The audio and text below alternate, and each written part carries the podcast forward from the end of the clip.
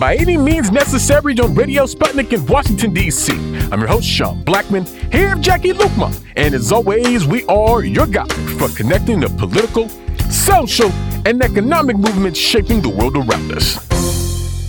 And today on By Any Means Necessary, we'll be having a very special first hour with uh, on the ground reporting and updates on the war in Ukraine from the Donbass region. And we are very happy to be joined for the hour today by Johnny Miller, Press TV correspondent currently in Donetsk. Johnny, thanks so much for joining us. Thanks for having me. Exciting to be here. Absolutely, absolutely. And Johnny, in a couple of weeks, we will mark one year since uh, the Russian invasion into Ukraine, what the uh, Russian government referred to as a special military operation. And this war has had ripple effects that have been felt all throughout the earth. But most acutely, this has impacted the people who are caught up in this war and who have to face the threat of violence on a daily basis. And you're there in Donetsk, in uh, the Donbass region, which is a place that has really been completely invisibilized uh, in the consciousness of uh, the people of the United States, as it simply uh, it just doesn't seem to uh, bear mentioning uh, by the corporate owned media or by our government. And I, I don't think it's an accident that we don't see uh, much coverage or hear much about uh, uh, uh the Donetsk and Luhansk republics from those uh, arenas. And so, to begin, Johnny, first I want to ask how long have you been in Donetsk? And as this war continues to escalate, and we uh, see uh, American and European governments uh, sending tanks and other military equipment. what is the latest, and what have you been saying? Yeah, I first came to Ukraine in the end of 2013 and beginning of 2014 uh, when the Maidan was happening in Kiev, uh, the revolution or the coup, whatever you want to call it. I was then in Donbass uh, when the civil war started uh, in 2014 um, uh, for a week or so. And then uh, since February, I was actually in Kiev. I went to Kiev when the Russians had surrounded it. I saw my first news reports go up, and I thought I needed to leave there very quickly uh, because I was critical of, of NATO and, and, and of, of Ukraine as, as, as well as Russia. Um, and it's dangerous for journalists in Kiev and Ukraine who are, who are, critical of NATO and Ukraine. So I left, and then I came to Donbass uh, through Russia. I arrived here maybe uh, May, I think. And since then, I've spent best part of, of five months here in, in Donetsk. Um, and it's it's quiet at the moment. Uh, it's I got back a couple of weeks ago. And first time I've been here that it's been quite quiet. I know Ukrainian shelling of the center of the city. Uh, that's because I think uh, Russia is making huge advances the rest of Donbass. So Ukraine is more uh, concerned about using its artillery to combat the Russian army rather than shelling civilians here in, in the center. Uh, but as, as you say, um, Ukraine and NATO call this an invasion. Russia calls it a special military operation. The people here in Donbass, or the vast majority of the people here in Donbass, call it the liberation operation. Uh, and as you, you rightly say, that the people here in Donbass, there's four million people in Donbass uh, before the war started, before the civil war started. So it's a large amount of people. Um, and they have been largely invisible to the West. That it's it's interesting that in 2014 there was mainstream Western journalists here. If any of your listeners want to go back and Google CNN uh, Donbass Donetsk 2014 uh, shelling civilians, if you Google something like that, you'll see a CNN report, which is a very good report. Uh, it's basically exactly what I've been reporting over the last six months, saying that the, the Ukrainian government is killing their own people uh, because that's what they're doing. They, they, claim that Ukraine, these people in Donbass are their own people, and they've been shelling them uh, intermittently since 2014. And being here for the last six months, it's it's crazy living under the shelling. And as on the outskirts, there's the, the, the, front line is on the outskirts, but in the center of Donetsk, there's no discernible military targets, no tanks, no military vehicles. There's no administration building, uh, but there's no uh, discernible military targets here. and the Ukrainians just shell, they terror bomb the center of Donetsk. Two of my apartments uh, have been hit. I can, can't tell you just as it's quiet now, but even a month ago, it was it was constant shelling. Even when you want to pop to the shops, you think, is it worth the risk? And every time you leave your, your apartment, you're not safe in your apartment either. You're just so tense. Um, markets near me, schools near me. I, sometimes I, I, when I've got no other reporting um, plan, they simply follow the incoming. Sometimes they get there, it's just landed in the streets and no killed. Sometimes they get there, there's bodies in the street, the bus station, the market um, a young woman killed, other people killed, and there's just bodies in the street. Um, and it's it's really hard to explain. I mean, the children's funerals as well. So in Makiivka, which is a neighboring city to Donetsk, uh, went there. We just stumbled upon the, the funeral of a six-year-old uh, girl, and we asked if we could film. We filmed it, um, and uh, this is a girl killed by Ukrainian shelling. And the next day, I went to another funeral of a girl, and I got shouted at. Um, for being there and told to leave. Um, then you found out I was British, and you said, Boris Johnson, former British Prime Minister, Emmanuel Macron, the French Minister, you did this. Shame on you. Uh, and I had to leave pretty pretty sharpest. That um, it's the dangers of being a vulture journalist, as they call us. Um, but that it's a very, it's an untold story here in Donbass, and the reason it's the reason it is so important is because, and the reason I'm here reporting on it is because it, reporting on it makes people realize that there are two sides to this conflict, and and the, this started as a civil war eight years ago, nearly nine years ago, when the Ukrainian nationalists took power in Kiev, and the the Russian or the Russian cultured uh, population, Russian speaking population, largely in the south and in the east, in Donbass and of course in Crimea, they rebelled against this ultra nationalist Ukrainian government, and that's why you had the beginning of the civil war eight years ago.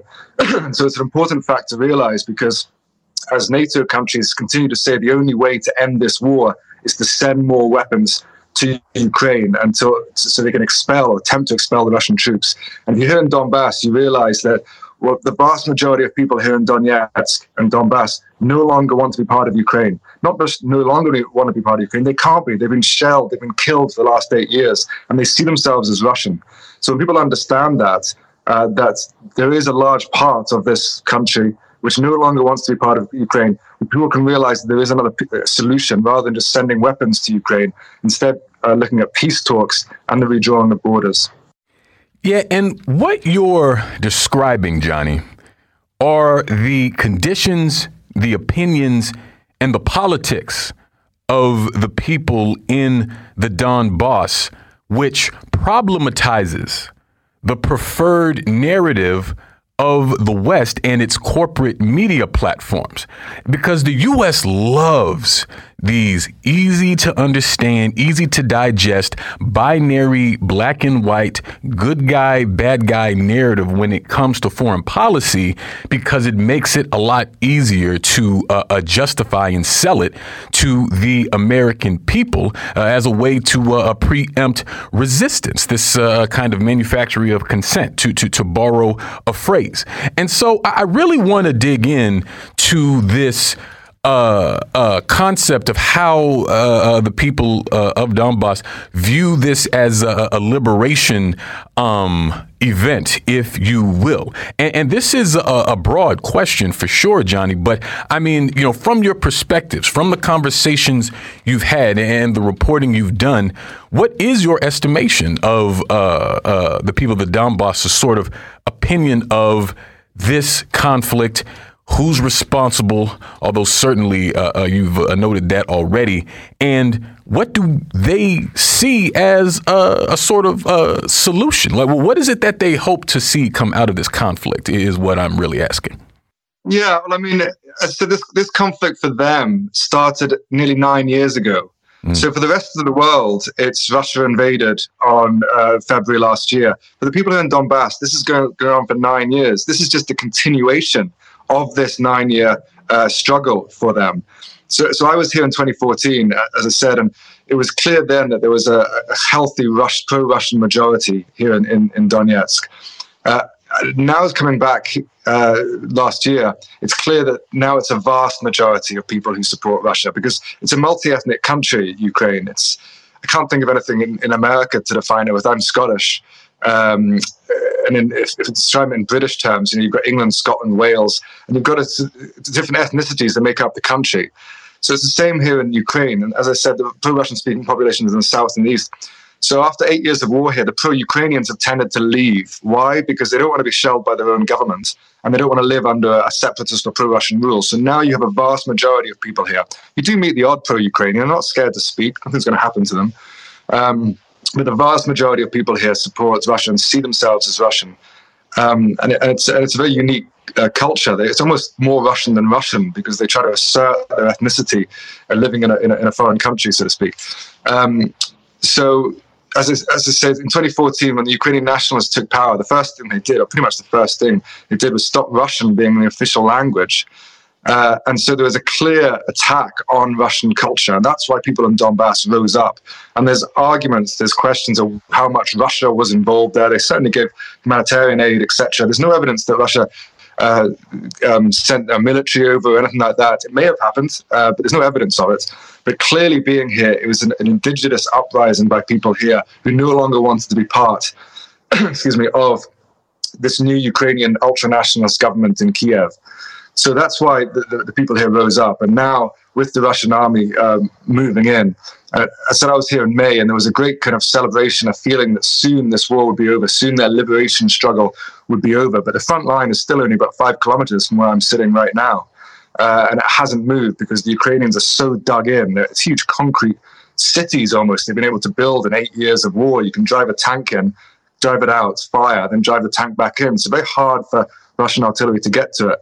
So over the last months, there's been a bit of a dampening of mood. When's this going to ha- when's this going to end? But still, the people here are uh, determined and and and uh, have no doubt that ultimately they'll be victorious. And indeed, there's a recent referendum in which they joined, said to join, uh, decided to join Russia. So this is Russians see it as this is their land now. Um, so so yeah, but the war is dragging on for a long, long time. Uh, we're expecting in the coming weeks Russia to have major successes. On the outskirts right now, there's fierce fighting. I was uh, on the outskirts a few days ago, so witnessed uh, Ukraine, and the fighting is right on the outskirts. So the, the artillery pieces are very much amongst, amongst not amongst, but in, in clearings around the outskirts. And so we witnessed the Ukrainian strike, a successful strike on a Russian artillery units. We saw the Russian artillery unit rush out, and there were some wounded Russian soldier, soldiers. So you, Russia's certainly losing a lot of soldiers. People in Donbass have lost thousands upon thousands of young men and old men due to the fighting.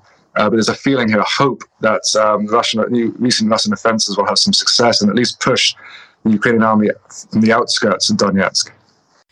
And Johnny, in uh, one of your threads on Twitter, you have you know stories uh, highlighted of uh, individual people, uh, mostly women, uh, talking about uh, the the bombardment that they've been enduring, and the you know just just the fact that the world has ignored that part of this conflict. Um, and now all of a sudden there's all of this global attention and support uh, from uh, the rest of the world in having NATO uh, support uh, Ukrainian forces and all of these weapons uh, going to Ukraine in their uh, proxy war against Russia. And you talk about the war crimes uh, that people have told you about, that you have seen, uh, that we don't talk about because we don't hear about them in uh, U.S. corporate media that Ukraine has been committing since 2014 and are certainly committing now. So I'm wondering if you can give us some insight into the things that you've been told and you've been seeing about the Ukrainian war crimes as the uh, corporate media focuses only on, you know, the accusations of, of Russian, about mass Russian war crimes. Yeah, it's interesting you say looking through my Twitter feed and saying most of the people I interview are women. Yeah, I think I think you're right because most of the um, men are in the army, and it's interesting just around the streets here. You see uh, men in khaki, and many women in khaki as well. Some sometimes you see uh, lovers, uh, young young man and woman, both in their military fatigues, strolling along the promenades.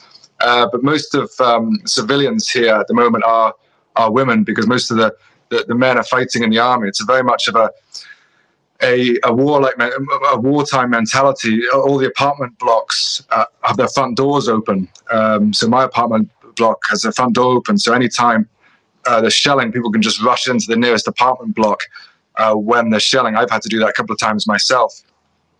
And the war cry, it's it's it's it's it's it's a crazy it's crazy to explain that when you're in the center of a city, and Donetsk is a very nice city. It's a pretty city, um, and suddenly there's just shelling in a market or a street, and people are killed, and it's it's just random shelling. I was in a church recently, beautiful cathedral, and that church was hit the day after I was um, sitting inside it trying to find some peace. And it's this kind of well, when I'm on the outskirts of Donetsk, or near the front line, you know, I don't call that out as war crimes when the civilians are shelled, because the civilians shouldn't be there. There's artillery pieces nearby the buildings when you're fighting in, in, in, in settlements or towns. And so the civilians really shouldn't be there. They're risking their lives. But here in the center of Donetsk, so there's no there's no military targets, and this is Ukrainian terror bombing. And the reason it's going on, and you know, I've covered other wars around the world, and you know, do I believe that United States or Britain, and many some people are listening to this might disagree with me, do I, do I believe that they, as a matter of policy, purposely target civilians? They've killed a hell of a lot of civilians in Iraq, uh, Afghanistan, and elsewhere, as we know, is that term collateral damage. But as a matter of routine, I don't think, think the United States purposely targets civilians. There may well be cases, I'm sure some of your listeners will disagree, but that's what the Ukrainians are doing here, and they've been doing it for eight years. Why? Because they failed to defeat the separatists, so-called separatists in 2018 on the battlefield. So they resorted to shelling civilians in order to try and stop the civilians supporting the local authorities and to make them flee. There's also an element of uh, people ask me a lot why why is Ukraine intentionally shelling civilians? Even Russia, Russia is aiming at um, civil infrastructure, energy infrastructure, military targets inside Ukraine. Are they killing civilians as well? Yes, but they're targeting civil infrastructure and military targets. Ukraine is also targeting obviously military targets and civil infrastructure, but they also terror bomb civilians here. I mean, I, am living around it. I can, I know these areas very well. My part missiles landed 15 meters outside my apartment block. It's a civilian area. There's no military here, and it's random, random shelling or sometimes targeting shelling, shellings of markets and bus stations. Uh, and it's also because of that extremism within Ukrainian society, uh, ultra nationalism, which sees the people living here as just separatists, as pro Russians. So therefore, they can be killed. You know, I've covered genocides, ethnic cleansing around the world. I was in Burma, Myanmar, with the ethnic cleansing of Rohingyas there, when Burmese soldiers would just go into the villages and just gun down people in the rice fields. Um, to try and make them flee because they were seen as foreigners, Banglas, Bangladeshi, Muslims. Uh, so they could just gun them down, kill them, so they'd flee. And this, you have the same element of extremism here in Ukraine with the ultra nationalists who see the people here not as Ukrainians, even though they've lived here all their lives for generations. They see them as Russians, Russian separatists. So they want to create, people here in Donbass call it a genocide. It's certainly an attempted ethnic cleansing when you're trying to expel these people from Ukraine because they no longer want to be part of Ukraine. And that's why you have this terror bombing. And that's why I fear if Ukraine was to ever take Donetsk, there would be an ethnic cleansing of the people here because the people here don't want to be part of Ukraine. And how do you solve that problem? You get rid of them. That's how ethnic cleansing happens. If Ukraine was to ever take back Crimea, that's what would happen because I've been to spend time in Crimea. Vast majority of people there are Russian. They don't know, they don't even say they want to be Russian. They, they describe themselves as Russian. So if Ukraine was to ever take Crimea, what do you do? You have to get rid of the people. And that's how ethnic cleansing happens. And that's why you have this terror bombing of, of, of Donetsk um, for those reasons. Absolutely. We're going to move to a break on that note here on By Any Means Necessary on Radio Sputnik in Washington, D.C. We'll be right back. So please stay with us. By any means necessary.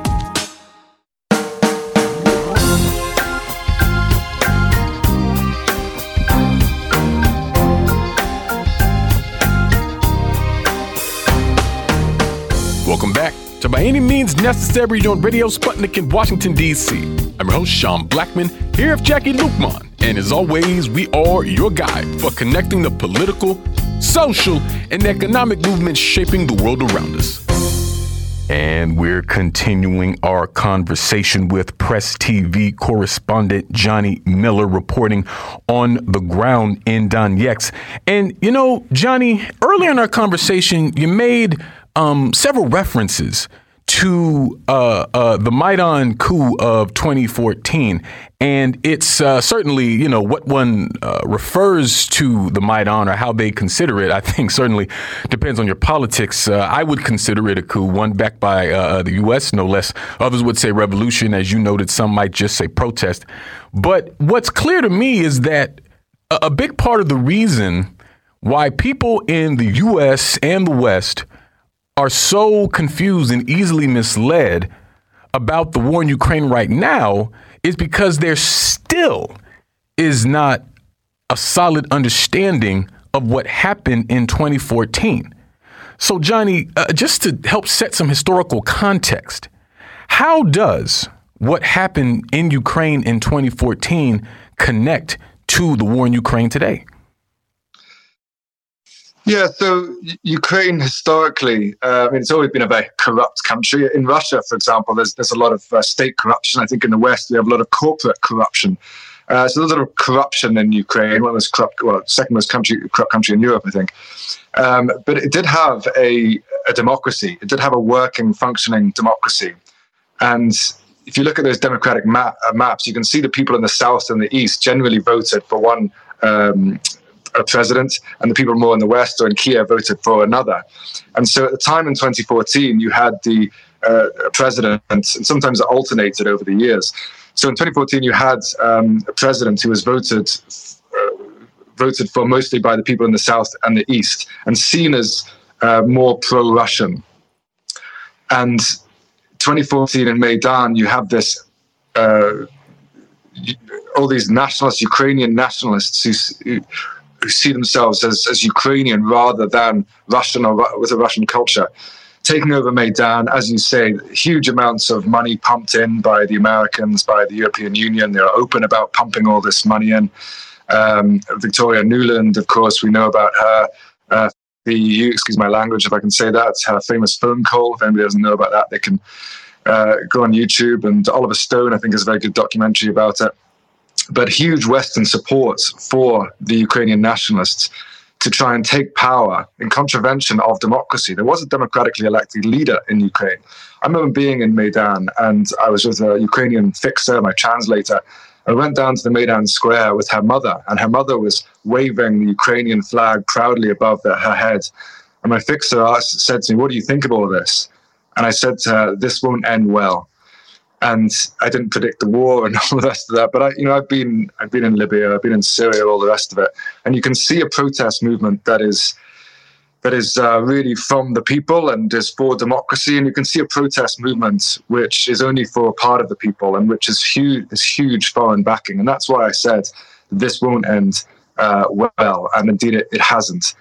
As soon as you had the success of that of that coup, as you call it. Um, you have the breakup of the country. Russia takes Crimea. The vast majority of people in Crimea wanted Russia to take Crimea. And then you have the uprising of the, of, of the east. There's also 40 odd people killed in Odessa, pro Russians rising up in Odessa. That was an important event. You had pro Russian protests around, particularly the south and east of the country. In Odessa, 40, over 44 of them, I think, were burnt to death or shot in the trade union building by Ukrainian nationalists. That's a big event here in Donbass. And that's one of the reasons they rose up because they saw people being killed in Odessa. And that's why they took up arms and thought, this is, we, we need to fight for this. So this is when it all started in, in Maidan. And, you know, the world is a chessboard of competing nation states. And essentially what happened in Maidan was that NATO took Kiev into its control, into its orbit. And that's what we're seeing now. When when Russia had the red line of do not take Ukraine into, into your orbit, NATO did. They took Crimea. Uh, Donbass rose up, and you're seeing a continuation of that now as NATO has been flooded with um, money, um, flooded with uh, money uh, and weapons, and that's uh, a, a, large reason why uh, NATO has um, Russia has uh, invaded because of NATO moving and controlling Ukraine. So the world is a chessboard, and, and when NATO took Ukraine, that threatened, threatened Russia's interests. And you, you mentioned uh, just a second ago, uh, Johnny, that you know most of the people in the Crimean region wanted uh, uh Russia to take control of Crimea. That is a part of this conflict that I think uh, we also, in because of corporate media and the way they frame uh, the conflict around Crimea, as you know, Russia just arbitrarily annexing Crimea, no provocation. We we don't get the full context of that. So, how, why, why did most of the people in Crimea want uh, Russia to take control of it? how did that spring up? And I mean, what what's behind what what's the real story behind that? Yeah, I mean, I've spent some time um, in Crimea recently doing some stories, and also, to be honest, where I can get get a break from here being in Donbass. Very hard to be here for more than a few weeks because of the shelling. So it's a beautiful place, uh, Crimea. Um, and so I spent some time there. I've done some stories as well. And people there, I said the majority, it's difficult to speak about people as one group of people. You know, if you speak about the Americans, I mean, half of half, half of you guys support Trump, half of you guys don't. You know, that's one thing. You know, who are the Americans? You know, so it's difficult to speak about a group as one homogenized group. In Donbass, you can really, because the vast majority here um, to support Russia. In Crimea, I'd say a healthy to vast majority support not not only support Russia but see themselves as Russian. You know, I've been in Sevastopol talking to people, and I say, you know, do you support Russia or Ukraine? I'm Russian. You know, these are old people, young people. They say I'm Russian, and Russia has, of course, a long history with Crimea. The, the Black Sea Fleet is there. Sevastopol, very beautiful old uh, city. And Crimea is essential to Russia's geostrategic interests it's uh, you control Crimea, you control the Black Sea. The Black Sea is obviously very important for Russia, getting its ships out there, etc., and for its own security. So Russia sees Crimea as, as essential to its geostrategic security. If Ukraine and NATO ever were to threaten Crimea, that kind of escalation, that's when some people have speculated that Russia may well start to think about even technical nuclear weapons. That's how important Crimea is to Russia, Russian security as they see it. So that's why they took Crimea, and uh, they were able to do so because the vast majority of people there supported it. That's why you've seen no uprising, you've seen no insurgency. Here in Donbass, there's no insurgency, not like Afghanistan or Iraq. When the Americans took Afghanistan and Iraq, huge insurgency for years. That's why the Americans had to leave Afghanistan and Iraq because the vast majority of people were against them. You don't see insurgency in Crimea, you don't see insurgency in Donbass in in, in Zaporozhye and Kherson, there is there is a bit of an insurgency. There is more Ukrainian people there than there is there is a, some, some Ukrainian people there. Uh, but in Crimea, you haven't because the majority of people support it. So, and and being in Crimea, uh, I've spent I've spent some time there recently. It is it's an eye opener. That's why it's so important. You know, having you know talking to journalists who've been to, to places, and that's why it's important. I think a lot of we've lost this idea of journalism journalists actually going to places and reporting because if you don't go somewhere, you really just don't understand it. And being in Crimea, if I was to walk around Sevastopol and say, this is Ukraine, you would just, you would feel ridiculous because everyone's telling you we're Russian and it feels like a Russian place. So, um, you know, when Ukraine and NATO say we are going to take back Crimea, let me tell you, the, mo- the vast majority of people in Crimea don't want to be part of Ukraine. They want to be part of, of Russia um, and Russia will will defend Crimea with. It's it's very very important to them.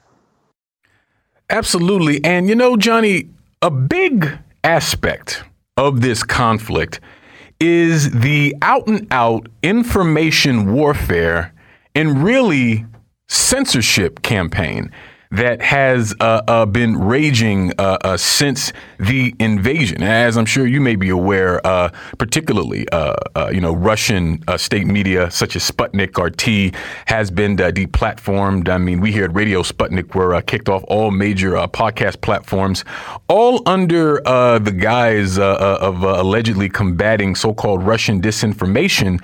But in reality, it to me, I think that that's all just an effort to keep the American people from hearing the the the stories and narratives and and to be frank, the real journalism like what you're uh, uh, describing here. And Johnny, uh, you're one of precious few English speaking journalists who are in the Donbass. It just seems like there really aren't that many that go there to report. And so, uh, not only do I think that uh, is a detriment to uh, uh, journalism and people's ability to have a fuller picture of what's going on. But uh, I'm just wondering, why is that? Why do you think that there seems to be this uh, hesitance? For uh, uh, American or British journalists to go and do the sort of reporting that you're doing? Well, if, if mainstream reporters were here, they wouldn't be reporting much differently than I'm reporting.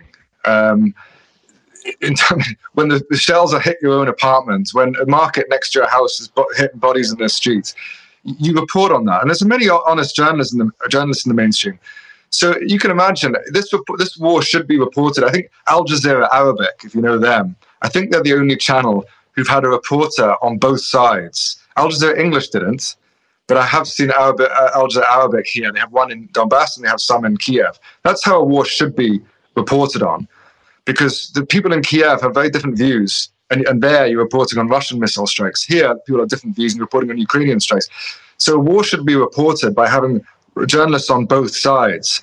But the reason they don't do that is because if you, you can imagine if I was being interviewed on CNN, eh, on, on BBC, uh, saying what I'm saying, forget about my, my views of the conflict. If I'm just telling you what is happening right here, you can imagine the difference of opinions. You can imagine what impact that would have on the streets of America, on the streets of Europe, when you have broadcast at six o'clock on the news, someone like myself saying that Ukraine is killing the people here, and the vast majority of people no longer want to be part of Ukraine.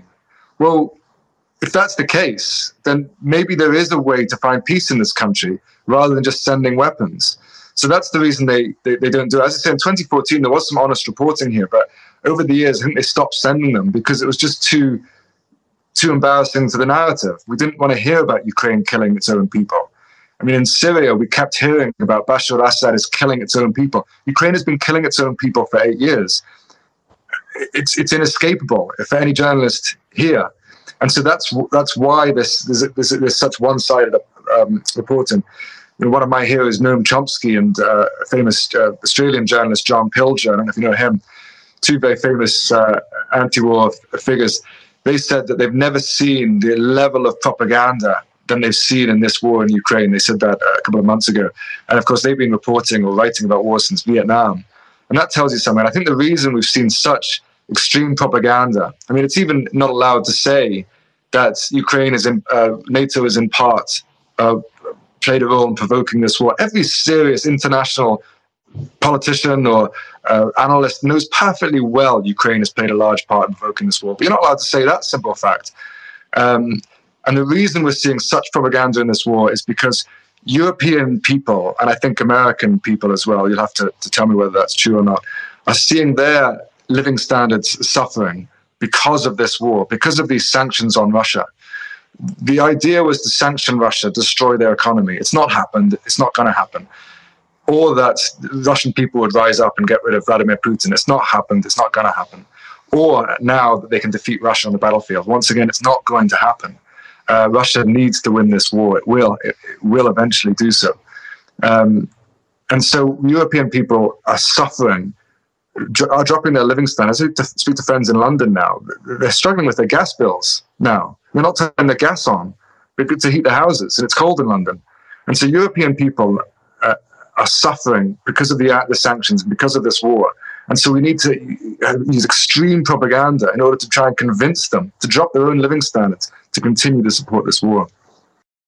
Yeah, that's definitely happening to a degree here in uh, the United States. But you know, capitalist propaganda being what it is, Johnny, we we are convinced that a little bit of inconvenience is okay uh, as long as it's to you know defeat the evil Vladimir Putin who started all of this mess uh, one morning when he got up and decided he was just going to arbitrarily invade Ukraine. That's that's what we're told, and that's what people believe, uh, and it's almost like payback for the idea that that Putin himself uh, interfered in the 2016 elections here. So it, it's it is an incredible level and and uh, just depth of, of propaganda that's that's shocking. Something I've never seen before myself, and and it's it's perplexing uh, to say the least. But one of the other reasons that might contribute to other journalists not uh, being on the ground there in Ukraine is the safety uh, of journalists being threatened by, yes, far right neo Nazi forces in Ukraine uh, who find journalists out. And that is something that you actually have personal experience with, unfortunately. And I'm wondering if you can tell us uh, about that. Yeah, I mean, I think you're referring to this Myrotvorets uh, list, uh, which means peacemaker, and it's a list by ultra-nationalist Ukrainians, has links with the Ukrainian government, um, suspicions that it's links with the, the SBU, the Ukrainian intelligence agency, and it's a list that's up, put up on the website, uh, uh on the internet, and lists the enemies of Ukraine. Uh, every journalist that's killed is marked with liquidated in big red letters over their their, fate, their pictures it also has children on the list. I was I was put on the list because I was doing a story about a 14, 13 year old girl here in Donbass who was put on the list. Her home address and her fo- phone number uh, and photos of her because she wrote a letter to the United Nations basically calling for peace. She was put on this list, and I did a story about that. And I was put on the list, and it's. Uh, it's incredible that if, if Russia had a list put up on the, web, the internet with all the names, faces, very detailed. If you go on my profile, it's very detailed about what I've been doing, what I've been reporting. Quite accurate, some of it actually. Um, and Mark journalists is liquidated when they're killed and put children, 13 year old children, and putting their home addresses on it. This is doxing children, putting their home addresses on it, promoting violence against journalists and children. We, we, the world would be up in arms about it, and they'd call it a kill list and all the rest of it.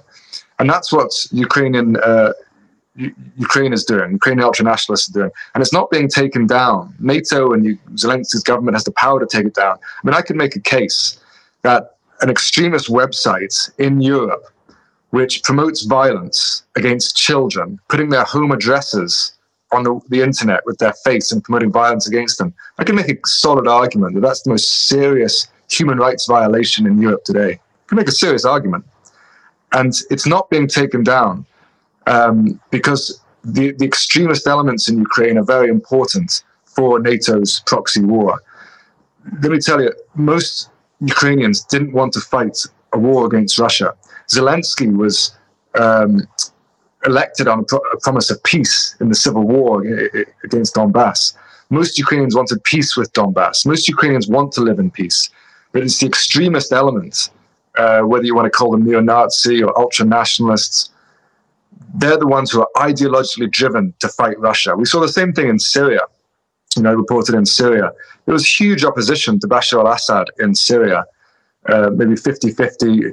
But the, the majority of the Syrians didn't want to take up arms against Bashar al Assad. I remember speaking to a leftist party in Jordan, and he told me that he was on the streets of Damascus protesting against Bashar al Assad.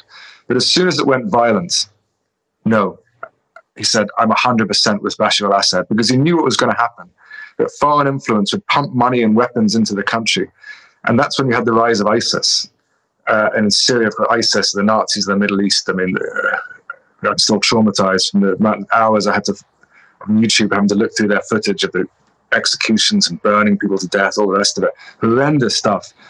And so you had the rise of extremism in Syria because Syria was a proxy war. And you're seeing the same extremism in Ukraine. Why? Because it's a, the, the extremists there are useful for NATO because they're the ones who ideologically uh, ideologically driven to fight the Russians.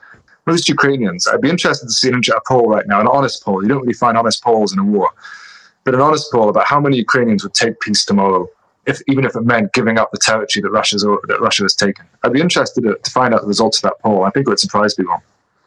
Absolutely. We're going to move to another quick break on that note here on By Any Means Necessary on Radio Sputnik in Washington, D.C. We'll be right back, so please stay with us. By any means necessary.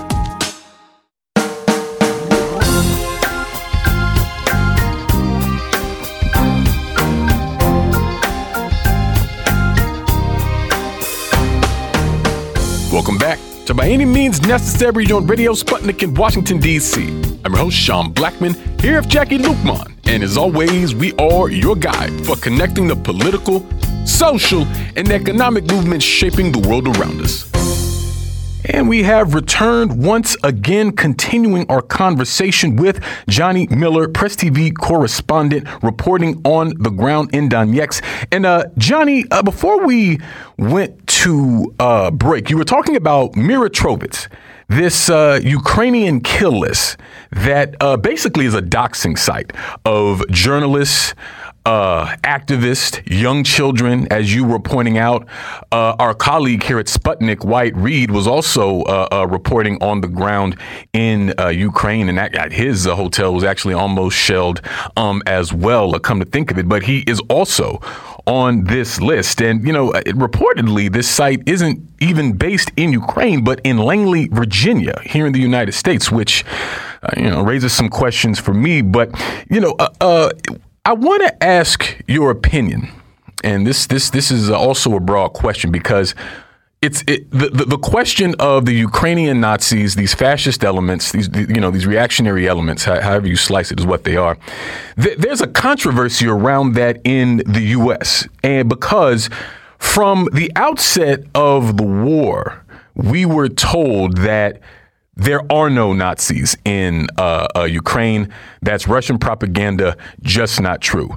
As things began to develop, and it seemed like every picture we were seeing of the conflict showed some kind of uh, a Nazi insignia on a, uh, uh, a, uniform, whether it was, you know, the Black Sun or the Wolf's Angel or what have you. Then the narrative switched to, well, yeah, you know, there's some Nazis here and there, but it's not that many to make a difference. Now, you fast forward to this juncture, and we're seeing an all out uh, embrace of those Nazis here in the United States. I mean, literal uh, members of the Azov battalion are treated as as heroes uh, in this country and greeted by this government.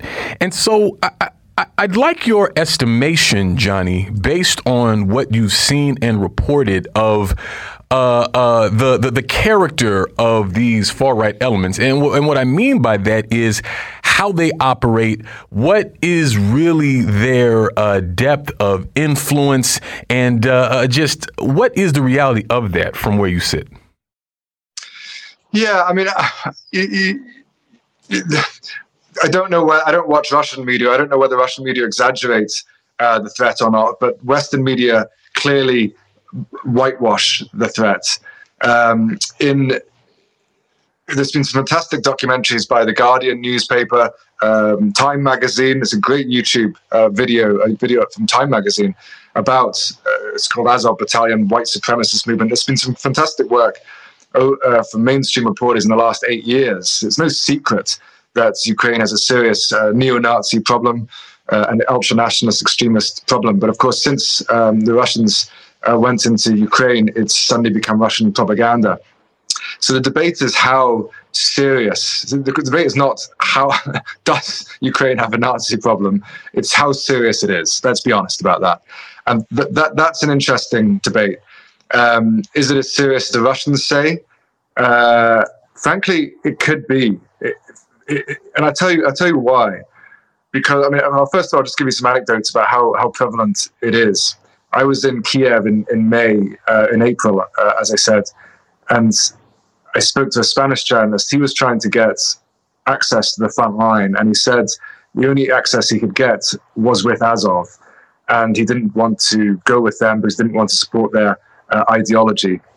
I also spoke to a mate uh, when I was back in London after uh, Kiev. I said to a journalist from one of the main uh, British broadcasters uh, that every Western journalist in Ukraine knows perfectly well that Ukraine has an uh, extremist problem, but they self-censor themselves. And this was just at a social event. I was talking to him about this, and he agreed. He said, "Yes, that, that, that is true." So let me tell you, every Western journalist in Ukraine knows perfectly well. They see the insignia. They see. it. They know perfectly well there's an extremist problem, but they self-censor themselves because now it's supposed to be Russian propaganda, and, and the mainstream media is simply not going to take those stories. Um, my own experiences in Mariupol. Of course, Mariupol was the base of Azov. Uh, I did some reporting there. Pretty much every civilian I spoke to, it was very easy to make a news report about it because the first three or four civilians I spoke to spoke openly about uh, Azov. And they said the Ukrainian army, they differed. The Ukrainian army, generally, they said they were trying to help civilians, but Azov uh, shooting civilians, shooting at civilian houses. One woman told me that she saw two Azov guys pull women, two women from the street into their car and drive off somewhere. These guys are, uh, are white supremacists, neo Nazis. They're nasty, nasty people. Um, and so the question is how how serious is it? Is it? If, if I had said to you that the American government has a battalion that is openly neo-Nazi and white supremacist, what conclusions would you make about that American government? That it likes Nazis. right. Which the yeah. U.S. totally does, by the way. Absolutely loves Nazis. so, so to finish what I'm saying, that, that, that, that that's, that's, that's the question. That's, you know, if the British government had a, a battalion that's open Nazi, what, what aspersions would you make about the British government? There's, there's a reason that the American government and the British government does not have a battalion, and maybe you'll disagree with me, that is openly neo-Nazi because there isn't that neo-Nazi element within the American or British government. I see you might disagree with me, but my point I'm trying to make is that the reason you've had the, the neo the Azov battalion that are openly neo-Nazi that were now I was speaking to an American friend, uh, well, a friend, British friend lives in, in New York recently, and he said, "Oh well, they're not they're not a Nazi anymore because they've joined the Ukrainian military." And it's like, well, suddenly suddenly stop being Nazi. It's like uh, magic. My point is that yeah, the, re- the, the reason that the, the, Ukrainian government, and before 2014, they didn't have an openly neo-Nazi government. The reason they had a new openly neo-Nazi uh, battalion now is because there's crossovers between official Ukrainian government position and the Azov battalion. What is that? It's the hatred and it's the ultranationalism and the hatred of the Russian population. That's why an openly neo-Nazi battalion is acquiesced, is allowed within the Ukrainian government because they have crossover of ideology. Because the Ukrainian government is an ultranationalist government that wants to suppress its minority, uh, that wants to fight the Russians, that wants to ethnically cleanse its Russian-speaking population. That's official Russian, uh, effectively official, official Ukrainian population. I said there will be there will be ethnic cleansing in Crimea or, Don, or in Donbass if the Ukrainians ever took back. I've, I've covered ethnic cleansing before. I know how it happens. There would be, and that's why the British government doesn't have openly neo-Nazi battalion because the British government isn't trying to ethnically cleanse anybody right now. The Ukrainians allow because uh, there is that ultranational element within the Ukrainian government. So it's difficult to explain how how high it goes up, but the extremist threat in Ukraine is very very real indeed. Yeah, and Johnny, uh, there's a lot that we weren't really able to get to in the first hour today. We weren't even able to touch on uh, uh, political suppression in Ukraine, uh, the outlawing of political opposition by the Volodymyr Zelensky government for being quote unquote uh, pro Russian, the deep corruption within that government. But my next question is about well, where do we go from here?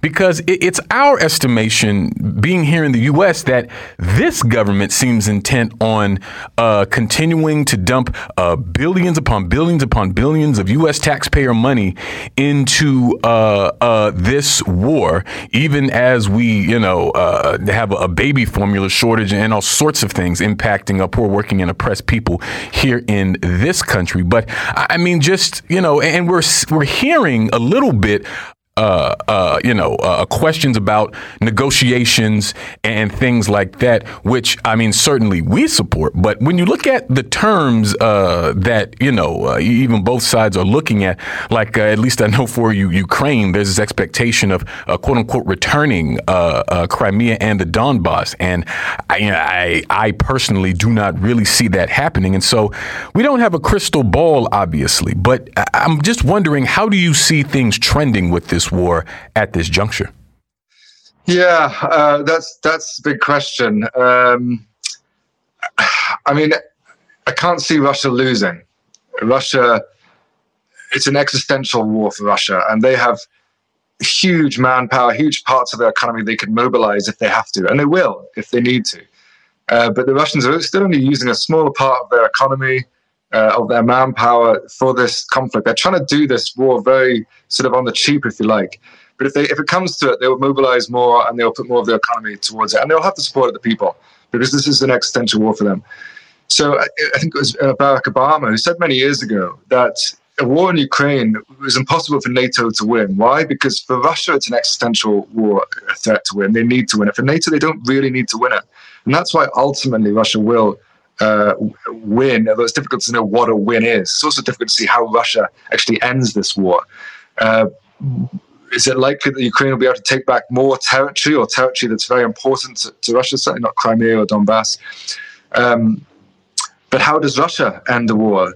Ultimately, they want to demilitarize Ukraine. It's very hard to demilitarize a country when NATO, the most powerful military alliance the world has ever seen, is, is, is supplying them with weapons and money that is more money than, than the whole of Russia's uh, military budget. So it's difficult to see how Russia can demilitarize uh, Ukraine unless they take Kiev or take more of the country. So the hope is, the expectation, the more likely thing is at the moment, in the coming weeks, we are expecting major Russian successes. We've been expecting that for some time. There's huge attritional warfare at the moment. Um, but the, the, coming weeks will, will, will, prove a lot. If Russia has a lot of success on the battlefield, but ultimately, I think NATO and particularly European countries are going to start uh, wondering whether this war is really in their, their interests. And I think a lot of this is the United States trying to keep Russia and Europe apart. And you have the split in, in NATO between the United States, Britain, Baltic states, and Poland, and France and Germany. And I think increasingly you're going to see European states really start to question whether this is in their interests. And ultimately, I think NATO will have to to, to, to wind down their support. Um, I mean, I, I, wrote on Twitter the other day, rather sadly, you know, does this war in Ukraine end when NATO starts a war elsewhere in the world? And we may well see that, whether it's you know Iran or China. But this is, you know, as in the front line. Some time ago, speaking to a Russian soldier, as the bullets were flying, and he said that um, this is the beginning of World War Three, and in the, the, the, the grey snowy wastelands of the front lines of Donbass, it really did feel this is the opening stages of World War III as we see that NATO, uh, especially the American uh, American government, losing its hegemony in the world, and the United States is going to try everything to keep hold of its hegemony. But it, we are seeing an increasing multipolar world. NATO cannot win a war against Russia and China. It's not possible. We have nuclear weapons, but the United States is going to try everything it can to try and win that war. And that's that's what the war in Ukraine is about. It's part of that United States trying to keep on to its global hegemony. And the reason I'm here risking my life reporting on this is because I don't believe it's in European interests. I don't believe it's in the American people's interests. Multipolarity will arrive. And this effort for the United States to try and hold on to the world militarily, it ultimately won't won't succeed. Russia and China cannot be defeated militarily, largely because of the nuclear weapons and because of their growing power. And I, I fear that we're going to, even if Ukraine comes to some some kind of ceasefire, we're in for uh, we're in for many more years of, war. That's that's that's the fear and, and the feeling here.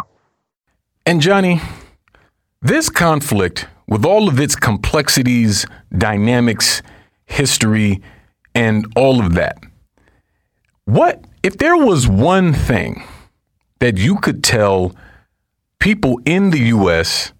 and the West about what you've seen in this conflict and what they need to understand about this conflict, what would it be? Yeah, what it would be is that, that there is another way for peace in Ukraine rather than just sending weapons. Uh, that the, the, the, vast majority of people in Donbass, and uh, expect the majority of people in Zaporozhye and Kherson, the other two regions of the south, certainly the vast majority of people in Crimea, they want to be part of Russia. Uh, and it's not as if Russia has is taking over areas like Afghanistan and Iraq in which the people don't want them to be there. Here in Donbass and in Crimea, the people want them to be there. And when people realize that, and if Russia took Kiev or Lvov in the West, it'd be a different story. Uh, if Russia invaded Poland tomorrow, I'd be very much against the Russian government. Um, but the areas they've taken over are generally more pro-Russian areas. Certainly Donbass. I've lived here for months. The, vast majority of people want to be part of Russian. So that's the message. I think there, there is another way for peace in Ukraine, and that's that's uh, for pushing for peace. Hundreds of people are dying. Soldiers, particularly Ukrainian soldiers, are being killed or wounded every day on the front lines. It's hell here. Civilians are dying. Children are dying.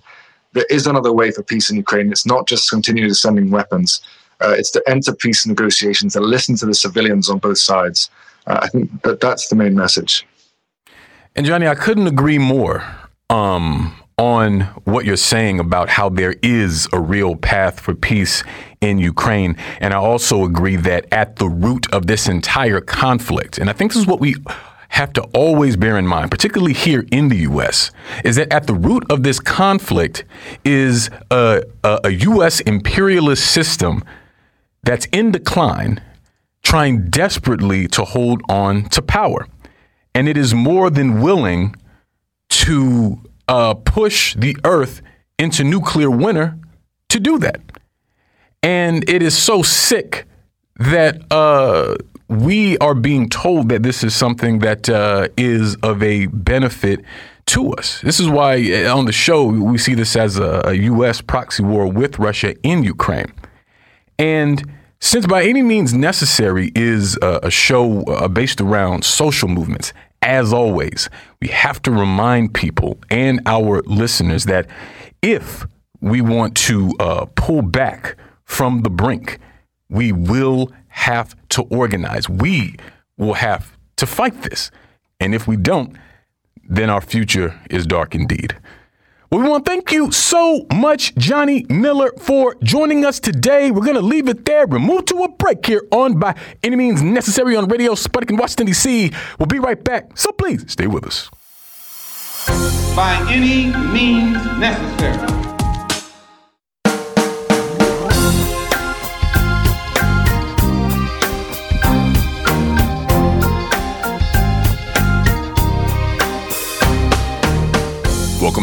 To By Any Means Necessary on Radio Sputnik in Washington, D.C. I'm your host, Sean Blackmon, here with Jacquie Luqman. And as always, we are your guide for connecting the political, social, and economic movements shaping the world around us. Oh, yes, we're here. We're back, top of the hour. It is Thursday, February 2nd, 2023. And of course, in 20 minutes, you'll be able to give us a call, live by any means necessary to give us your thoughts, ideas, questions, or concerns about anything you heard on the show today, anything at all relevant happening on this earth. We want to hear from you. But that's not the only way that folks can get in touch with us here on the show. And if you would please, Jacquie, let the folks know how they can holler at us. That's right, Sean. There are so many ways for our allies, accomplices, and comrades, that's y'all, to reach out and touch us here at By Any Means Necessary in Washington, D.C. You can do that at 3.20 p.m. Eastern Time by calling us at 202-521-1320. That's 202-521-1320. You can listen live to our show on your radio dial at 105.5 FM and 1390 AM in the Washington, D.C. area from 2 to 4 p.m. Eastern Time time each weekday. And shout out to our friends over at 104.7 FM, 102.9 FM, and 1140 AM in Kansas City, Missouri. But you can also listen to our shows at SputnikNews.com slash radio. Scroll on down the page and click on our show by any means necessary. And we're streaming for your viewing pleasure on Rumble right now. That's rumble.com slash C slash BAM necessary. The chat is live. And remember, friends, at 3.20 p.m. Eastern today, you can call us at 202-521-1320. That's 202-521-1320. But wherever you are in this world and however you do it, we want to hear from you. We most certainly do. We most certainly do. And uh, I want to encourage our listeners in the strongest terms uh, to check out the first hour of By Any Means Necessary today. If you have not already, we uh, had a very special hour long conversation with uh, Press TV correspondent Johnny Miller, who's reporting on the ground in Donetsk in the Donbass region in East Ukraine, one of precious few uh, English speaking journalists to do so. So uh, uh, definitely encourage you all to check that out. Uh, be that as it may, we're happy to be joined for the hour today by Max Rameau, a member of Pan African Community Action. Max, thanks so much for joining us. Thank you so much for having me. Absolutely. And Max, not long after the uh, release of the video of the brutal beating of Tyree Nichols by Memphis police officers, uh, in which he sustained injuries that he would later die from uh, now uh, we're seeing the video of police in Huntington Park, California, shooting a double amputee to death. And this specifically is the case of Anthony Lowe, uh, a black man um, who was accused of stabbing a 46 year old And uh, when police approached Lowe, they used a stun gun on him and shot him about 10 times. And when you watch this video, you you literally see Lowe like walking around on uh uh his his amputated legs and like um, it looks like he's trying to pull his wheelchair and stuff. And he has his knife and he's uh being approached by these two police officers who, as I say, shoot him to death for uh, uh, this stabbing. And reportedly, uh, the 46 year old victim is uh, in stable condition in a hospital awaiting surgery. Along with that, I wanted to raise this issue of uh, New York City paying out $121 million for police misconduct, which is the biggest payout that that city has seen in five years. But when one considers that this is the NYPD we're talking about, it really doesn't seem that surprising at all.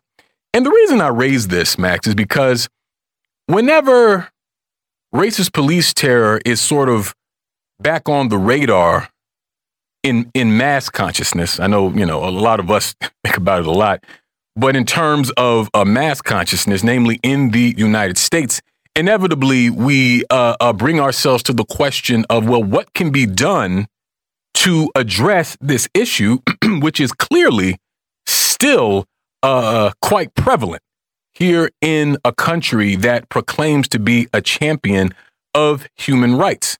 And what we typically see, you know, from uh, uh, the state is some kind of tepid uh, police reform. It's kind of funny because I feel like a lot of times those pieces of legislation kind of it kind of states that things are illegal that were already illegal. Like it, it, it typically feels like just kind of a runaround or a token or a pacification sort of deal. But uh, you all at Pan African Community Action or PACA, um, for a while now, have been uh, really advocating for the concept of community control of police, which is really a historic demand for uh, uh Black communities going back some years.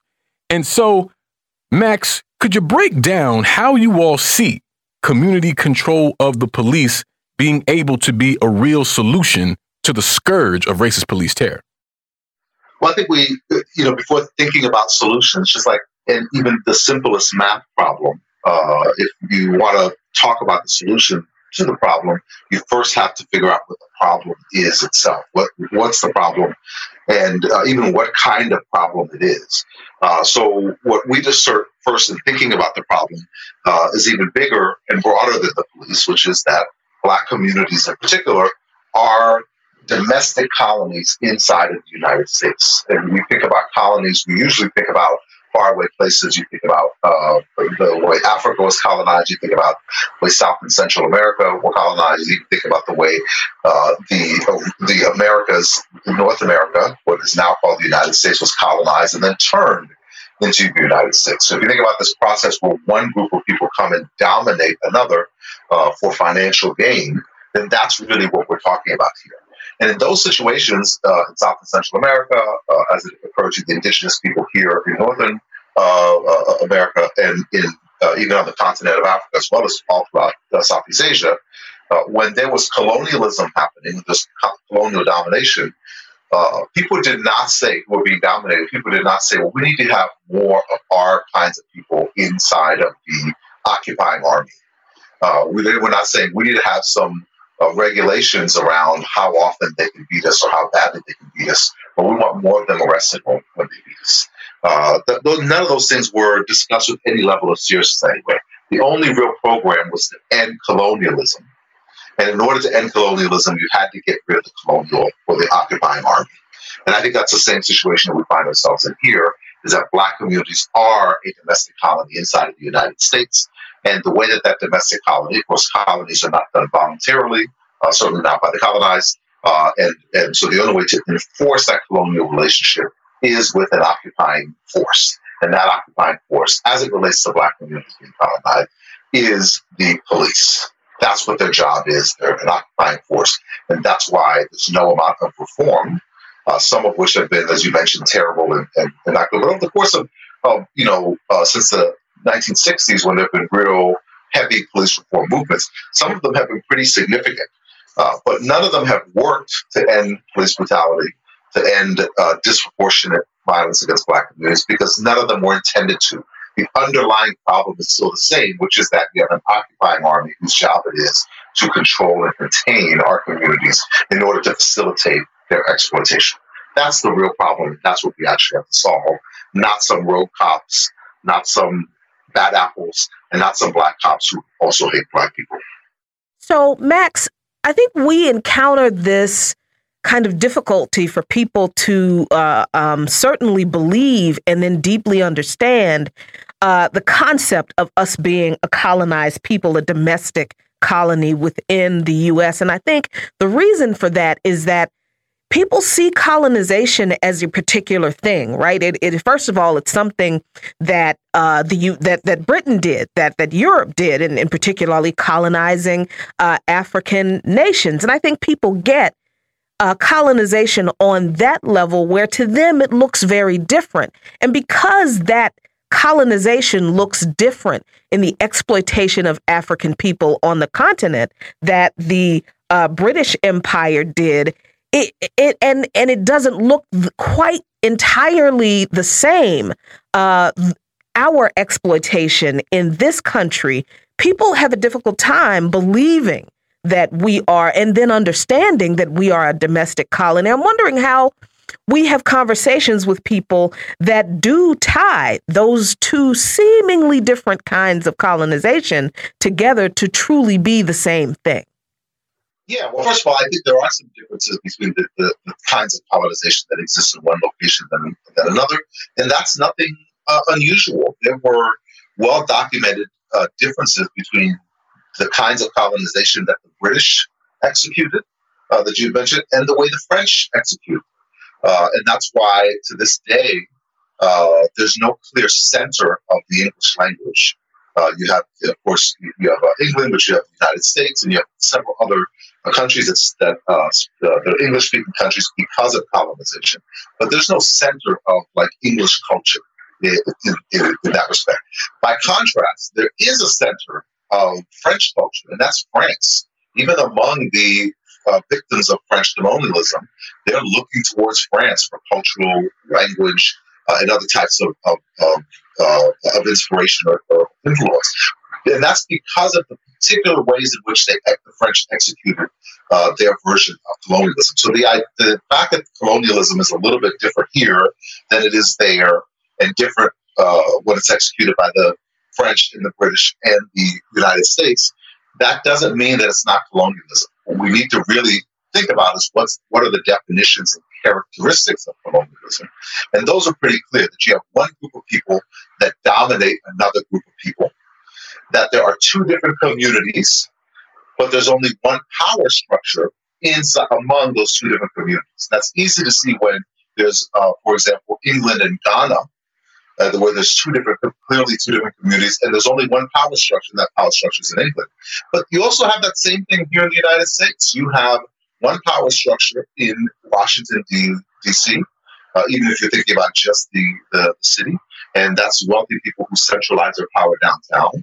Uh, but you have several different communities. You have communities in Southeast which don't benefit from the power structure, and you have communities in Upper Northwest which benefit tremendously from that same power structure and who are really at the center of that power structure. So what, what we need to be thinking about is what are the definitions of it, not just the very particular ways that it comes up. So, you know, as, as one saying goes, if you put lipstick on a pig, it's still a pig. Uh, and even if you put certain touches and flourishes and colors on colonialism, it's still ultimately colonialism. Yeah, and I'm and I appreciate this emphasis on neo-colonialism, uh, uh, Max, because I think it helps to further clarify the confusion that some people have around calling uh, what happened to Tyree Nichols specifically racist police terror because those five officers um, were black. But what makes those officers racist is the same thing that makes uh, uh, Mobutu Sese Seko or Blaise Compaoré or uh, Francois Duvalier racist because they are all in service to white supremacy. That is quite literally why they are in place and, and, why they exist. And if they ever get a notion to stop doing that, well, then they will find themselves replaced. Uh, you know what I mean? And you know, I, I'm I'm thinking, Max, because you know I've done um, uh, a lot of organizing around uh, policing issues here in DC. And, you know, when you go into black communities and uh, namely poor and working black communities, you do find uh, some support for police, even though a lot of the people understand very clearly uh, uh, the issues with the police. I think because, frankly, because of the contradictions of capitalism and how that uh, exploits and underdevelops oppressed communities, people still feel like uh, they want the police there. And, and I think particularly um, some of the more vulnerable elements of our communities, like uh, uh, the elderly and women.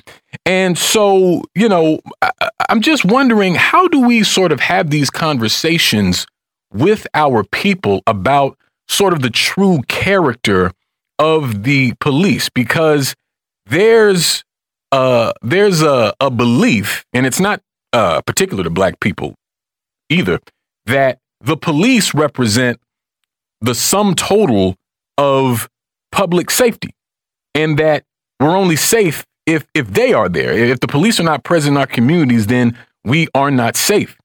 And so when we're in a society that uh, lionizes uh, uh, police and excuses racist police terror, um, how do we how do we sort of uh, get into these uh, different ideas? Because you know, saying that hey, you know, uh, we should control this instead uh, uh, might sound strange to some, and so and I'm sure that you've probably had some of these conversations before. So h- how do we grapple with that aspect of things? Yeah, I think we need to uh, actively engage in this kind of discussion and debate, and we need to have it openly and honestly. Uh, look, we have street level crime in our communities. And the reason we have it is because there is poverty, oppression, exploitation happening in our communities. And wherever you have that, you're going to have street level crime.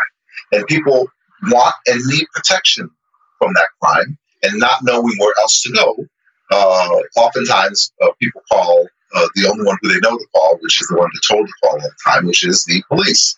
And it's a it's a risk. I think even the among people who often, or even if it's not often, who feel like they need to call the police uh, in in uh, low income black communities, that doesn't mean that they love the police or trust the police. It's just they literally don't know who else to call, and they don't know who else to call because we are not well enough organized to have created a force that operates inside of our community that can protect us against some of these things that happen whenever you have street level crime. People don't have enough to eat; they're going to uh, steal food and they're going to steal money in order to buy food.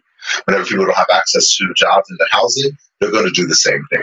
So uh, when when people feel threatened by that, and that happens in a real way in our community, then who do we call out to for uh, for for help? And even when we're calling out, out to them for help, it doesn't mean that we love them.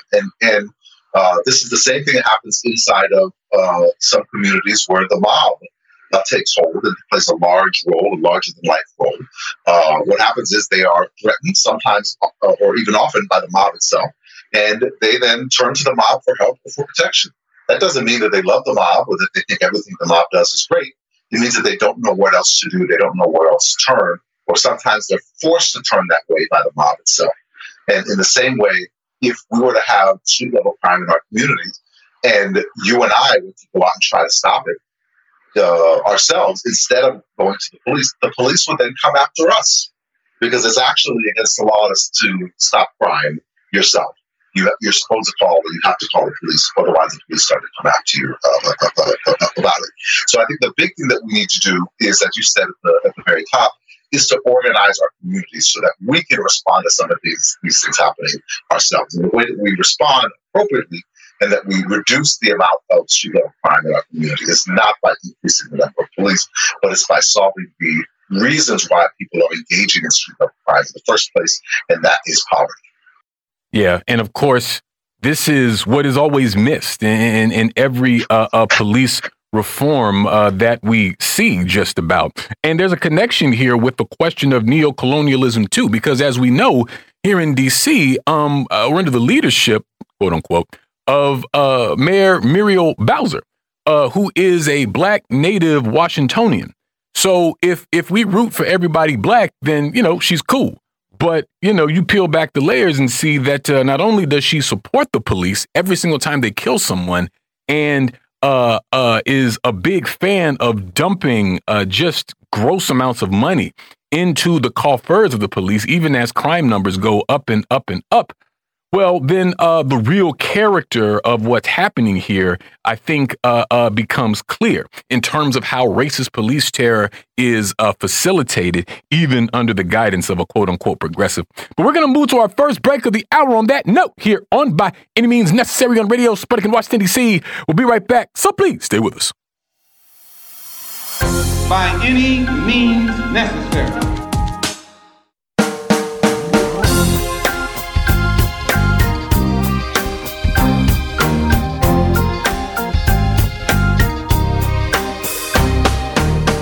Welcome back to By Any Means Necessary on Radio Sputnik in Washington, D.C.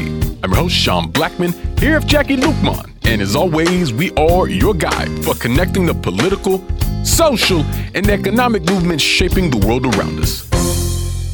Phone lines are now open 202 521 1320. That's 202 521 1320. Myself and Jacquie Luqman continue to be joined by Max Rameau as we continue our conversation about community control of the police. And Max, I wanted to uh, talk for a moment about uh, how this question of police reform is showing up on a national level as uh, members of the Congressional uh, Black Caucus were set to meet with U.S. Uh, President Joe Biden and Vice President Kamala Harris, the self proclaimed uh, top cop of California, uh, about police reform.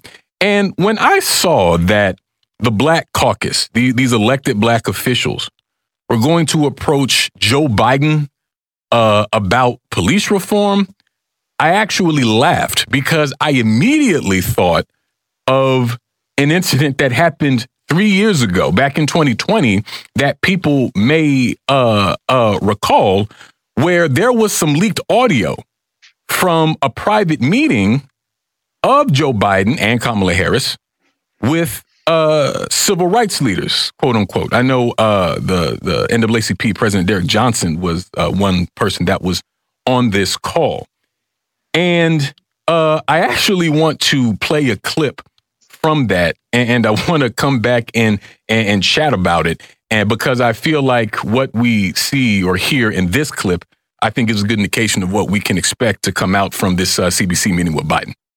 This is a completely closed call, so just want to remind you of that. There's no uh, recording. I'm the first person, black or white, who called attention to the fact that you were finding that there was the, the rate of people who were African Americans are dying was three times that of, of, of white people. I don't carry around a stamp on my head saying progressive and I'm AOC, but I have a more of a record of getting things done in the United States Congress than anybody you know. Let's get something straight you shouldn't be disappointed. What I've done so far is more than anybody else has done this far. Okay? Number one. Number two, I mean what I say when I say it. There's some things that I'm going to be able to do by executive order. I'm not going to hesitate to do it.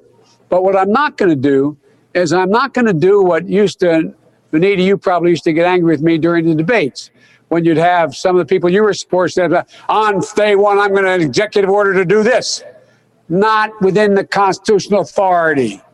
I am not going to violate the Constitution. There is a Constitution. It's our only hope. Our only hope. And the way to deal with it is where I have executive authority, I will use it to undo every single damn thing this guy has done by executive authority but I'm not going to ex- exercise executive authority where it's questioned, where I can come along and say, I can do away with assault weapons.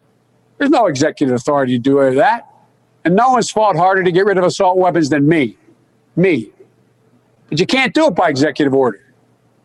If you do that, next guy comes along and says, Well, guess what? By executive order, to say everybody can own machine guns again. So we got to be careful. I know you all know this. I know you know it I don't think we should make that a big issue going into before January 5th when the election takes place down in in uh, um, uh, in uh, Georgia. But I also don't think we should get too far ahead of ourselves on dealing with police reform in that because they've already labeled us as being defund the police. Anything we put forward in terms of the organizational structure to change policing, which I promise you will occur. Promise you. Just think to yourself and give me advice whether we should do that before January 5th, because that's how they beat the living hell out of us across the country, saying that we're talking about defunding the police. We're not. We're talking about holding them accountable. I just raise it with you to think about. How much do we push between now and January 5th? We need those two seats. Yeah, and uh, so as you've heard, I mean, you know, I mean, he did everything but say, I've done so much for you people. Right. You know what I'm saying? I, I mean, Jesus Christ, I halfway expected him to crack a whip at him the way that that, that he was uh, uh, talking. You know what's funny? I don't remember him talking to Joe Manchin like that. No. I don't remember him talking to uh, Kyrsten Sinema like that. Ain't that something? He don't. Joe Biden don't even talk to Republicans like that. Joe Biden has embraced uh, Republicans from the campaign trail to this very moment. Uh, he ain't had no problem getting snippy with these uh, black folks though. And so, uh, Max, this is what I mean. I mean, frankly, it's humiliating uh, to to to hear that, and the fact that they they just sat there like. Like, like uh, I don't even want to say. I, I'm not going to say what I want to say, but I mean, they just sat there, didn't even say anything. They let this crust, they let a crusty old white man named Joe fuss them out over a life and death issue for black people in this country. This is our so-called leadership. And so I, I think that this is just one example of how uh, futile and how hollow these uh, attempts uh, at reform are by these, you know, toothless uh, uh, black leaders who, uh, you know, uh, gave up any sort of real um a, principle long ago. But I, I'm gonna stop myself if I get too much of the rant, uh, Max, and just I, I'm wondering your response to that in the context of the push for community control of the police. So, you know, you said that it was embarrassing. I just want to say it's not embarrassing for me. It may be embarrassing for them, but I'm not embarrassed by it. I'm not with them. I didn't vote for them, any of them. And uh, uh, so I don't feel any kind of uh, attachment to uh, to what they do. It, it certainly reveals the things that uh, many of us have been saying for a long time. So when you know you hear someone who's on the more radical side talking about how there's a bunch of Uncle Tom elected officials and they can't stand up to those who are actually in power and they uh, they get talked to any kind of way. Uh, you know, here's the proof that you know this this this stuff. There's actually some evidence to it, and uh, here's some of it. And um, uh, you know, so next time that you're hearing someone on the more radical side saying things like this, think about this reporting. Think about the reported the, the times that this stuff is happening that's not being reported, uh, and and uh, and realize that sometimes it's not really far uh, from the observable truth, not just opinion, but observable truth. But that said, you know, uh, as this has been, uh, this process has been, been playing out, not just this time uh, with Tyree Nichols, but with all the times that we've seen in the past uh, seven or eight years now. Uh, and when you think back even further to some of the earliest uh, efforts at so-called police reform, uh, the, think about the 1965 Watts Rebellion or the Watts Uprising, which happened when Marquette Frye was beaten in Los Angeles at a traffic stop. And his mother was beaten, who came out to try to help him, protect him from the police, was also beaten by then. And that, that is what triggered the Watts Rebellion, which was at the time the biggest rebellion in the United States. And then in 1979, Arthur McDuffie uh, was stopped at a traffic stop, forced to fall off to, to crash his uh, motorcycle, and literally beaten to death by uh, Miami Dade police down in Miami, Florida. Uh, and that sparked the 1980 McDuffie rebellion. Uh, and then in 1991, we all saw the videotape of, of Rodney King, who was beaten to death, not beaten to death, but beaten really badly and on video uh, in uh, in Los Angeles. Uh, and that really changed the game because it was on video. And now we're looking at this happening in 2023 with Tyree, Tyree Nichols. All of these things have happened. And after each one of those, there have been these attempts at police reform on the local level, on the state level, on the national level. Uh, and again, as I said earlier, some of them have been really insignificant. Some of them have not been insignificant. They've been pretty, pretty significant as it relates to police reform. But none of them have worked. No one, no thinking person in 2023, no serious political person still thinks that police reform is an actual real thing. There is no such thing as police reform when it comes to beating black people to death by the police, local, state, or federal. Police reform in that respect does not exist. There's still things you can do. You can have them wear different color badges. They can start wearing cameras, so they have to record it when they beat you up. Uh, there's all kinds of little things that, that can and will continue to be done here and there. But if people are thinking about uh, police reform and ending this kind of violence uh, moving forward, then you're not seriously paying attention to what's going on in this country. Police reform is not a serious way of thinking about this issue. We can only be talking about shifting the power and shifting the burden to us. And that would involve community control of the police, not the reform uh, uh, of the police while it's still under the control of those who oppress and exploit us.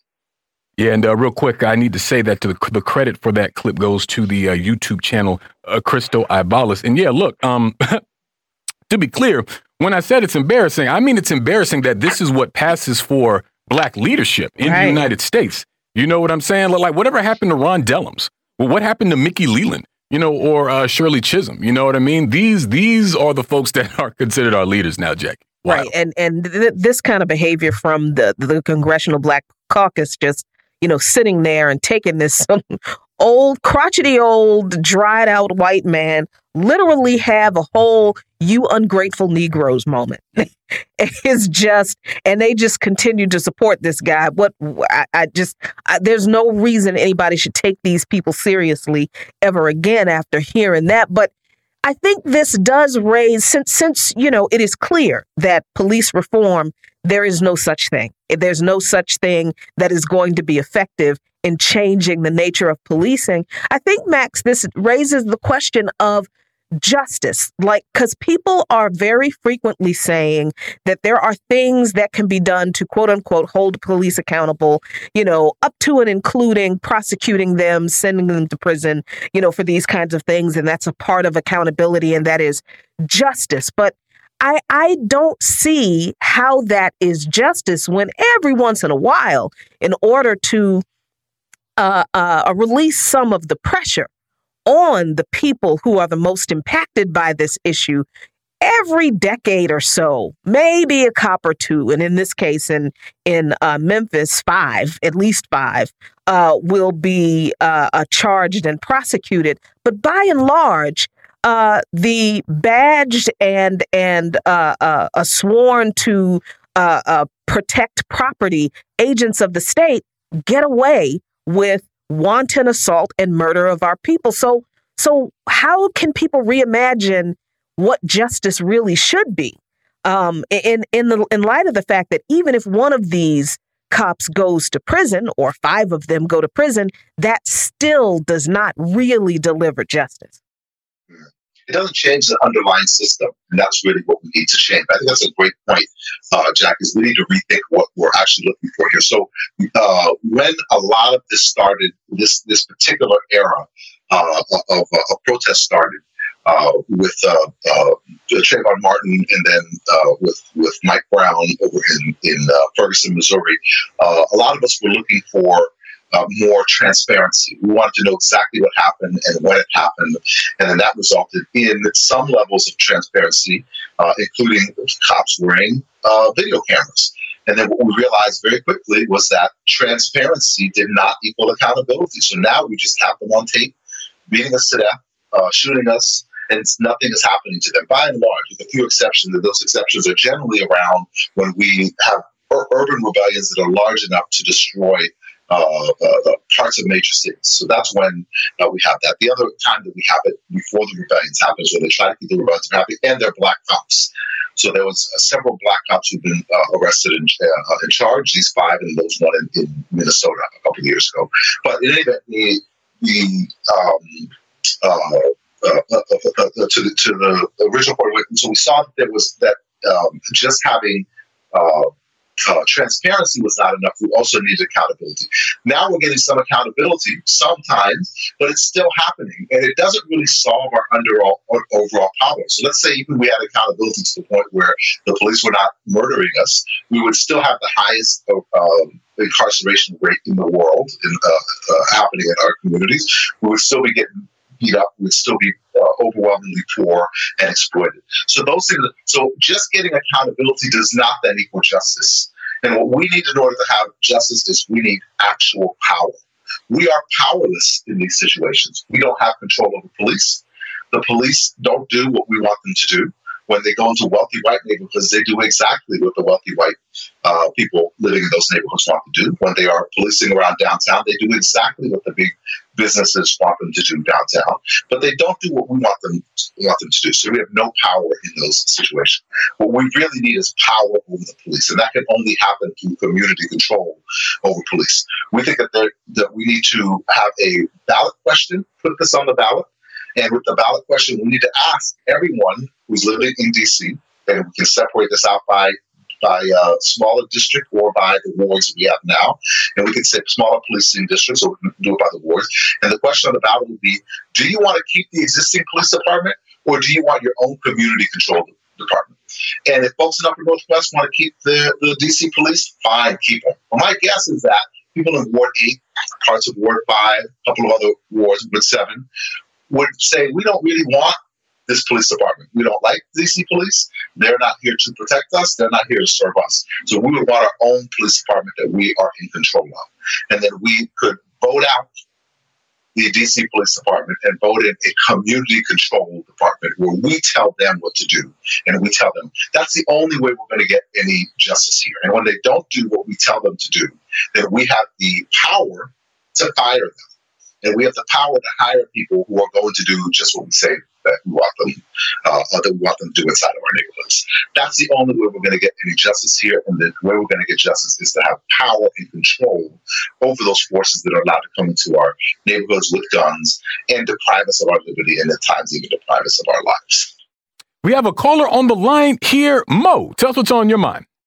Uh, I think that's a very good point that uh, your guest just raised. Also, want to commend you guys on the last hour. And the last hour made me think about something that also uh, could be a, applicable to what to, to the discussion in terms of also holding local officials accountable. In other words, all politics are local, but the end result essentially has to be international. My point is, I think a good question is maybe uh, asking Contee or asking uh, Muriel Bowser, and this should be a movement across the country. When are you going to denazify your police department? You don't have one elected official that, uh, and all of these folks we know have Nazis within these various police departments. Uh, so, like Alex, uh, like excuse me, like Vladimir Putin, I'm going to denazify the Ukraine. We'd like to know when are you going to denazify these police departments or fire departments or EMT workers. And I think that is a, a very good start. And I'd like for you guys to uh, piggyback on my response. Thanks. Well, thanks for calling in, Mo. Appreciate you. Hope to hear from you again soon. Uh, Max, your thoughts? Yeah, so I think it'll be difficult to denazify the police given the fact that the police work for a Nazi organization. That's like saying, when are we going to turn the slave catchers and make them anti slavery? Well, they can't be anti slavery because they work for slave catchers. So that would make any any sense. So the idea of denazifying the police department doesn't is not something that can actually happen in any real way. I mean, of course, you can get the you can remove literal Nazis from them, but you can't remove Democrats and Republicans who have had, who have spent a uh, a lifetime exploiting and oppressing black communities from from them. Uh, there's just not a way of doing that. You can't make them less responsive to big business because the reason the police are there is to protect property and to protect profits. And so that's the only way that they're going to they're going to continue to uh, uh, to operate. I, I uh, certainly hear the hear the, the thing, but if we were to literally get out all the Nazis from, from the department, first of all, significantly reduce the numbers, but it wouldn't actually change the behavior of the police department because it's it is a the police department is actually the armed wing of an organization that was a prototype for the Nazis. The Nazis looked at the United States uh, uh, to learn how to enforce segregation and how to treat one race poorly. Absolutely. We're going to move to another quick break on that note here on By Any Means Necessary on Radio Sputnik in Washington, D.C. We'll be right back, so please stay with us.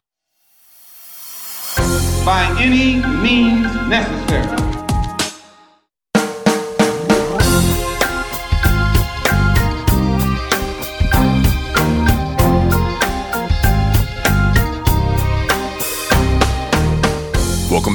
By any Means Necessary on Radio Sputnik in Washington, D.C.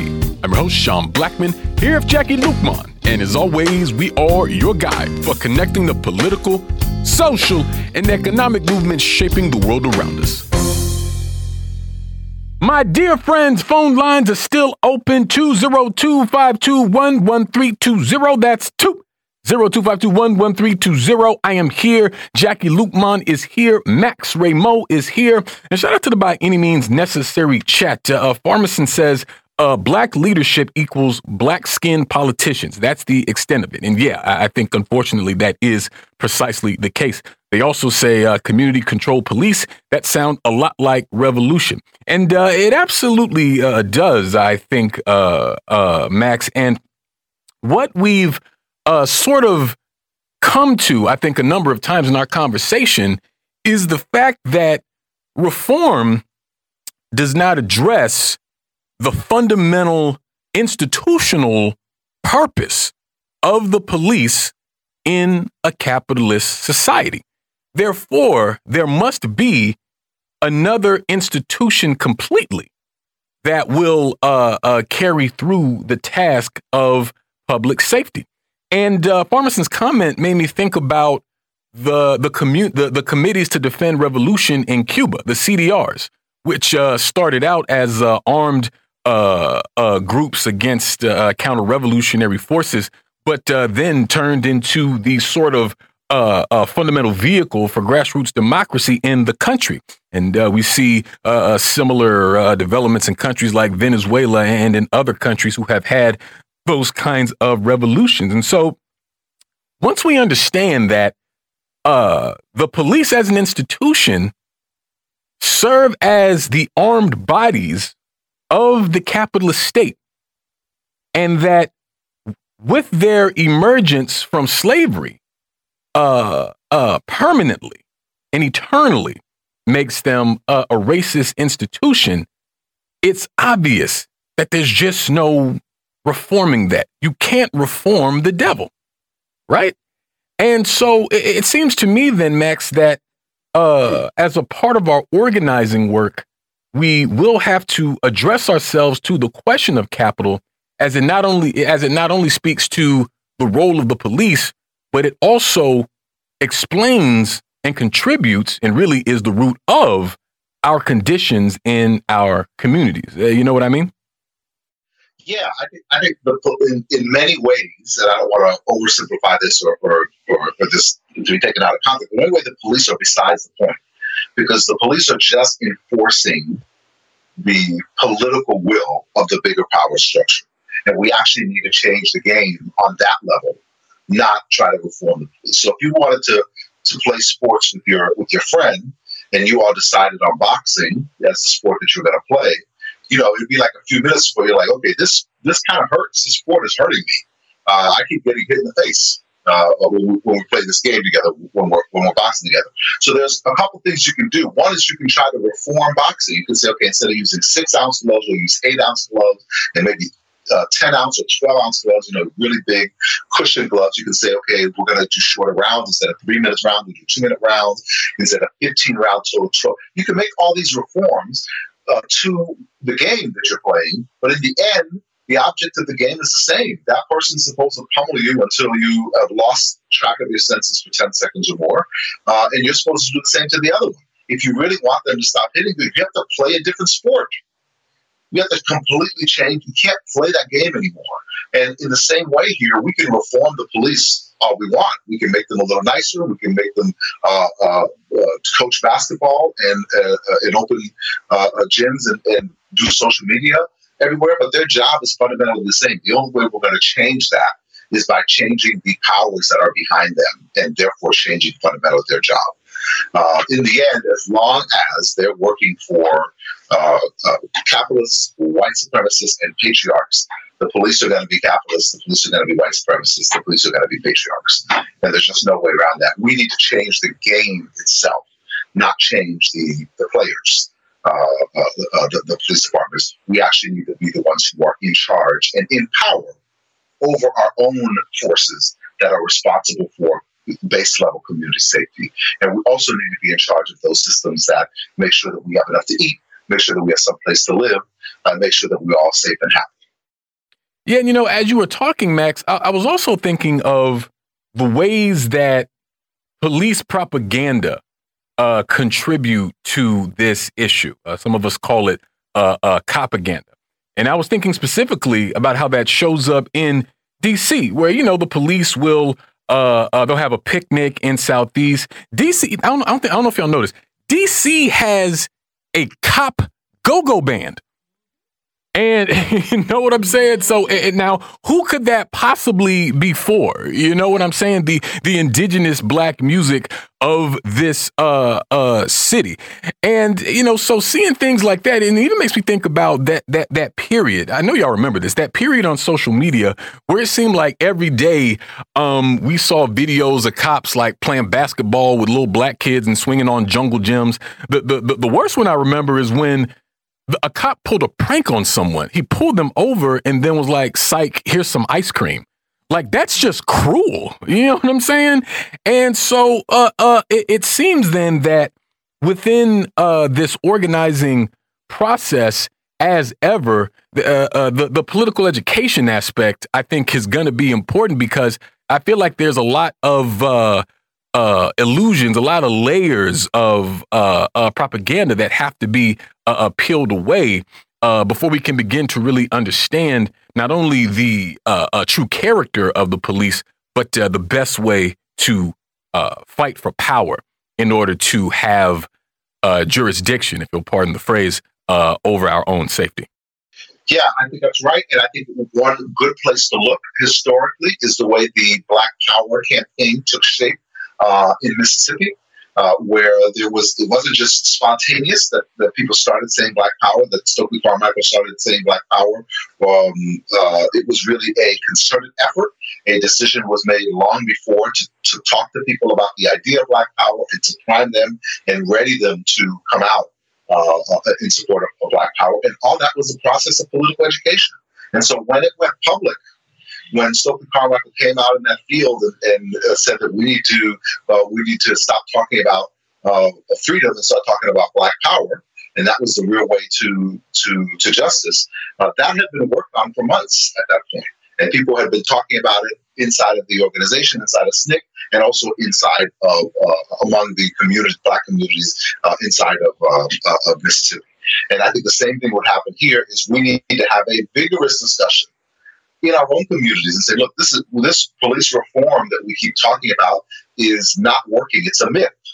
Uh, it's not working and it's not going to work. What are we actually going to do? Are we ready to take power? Do we want to take power?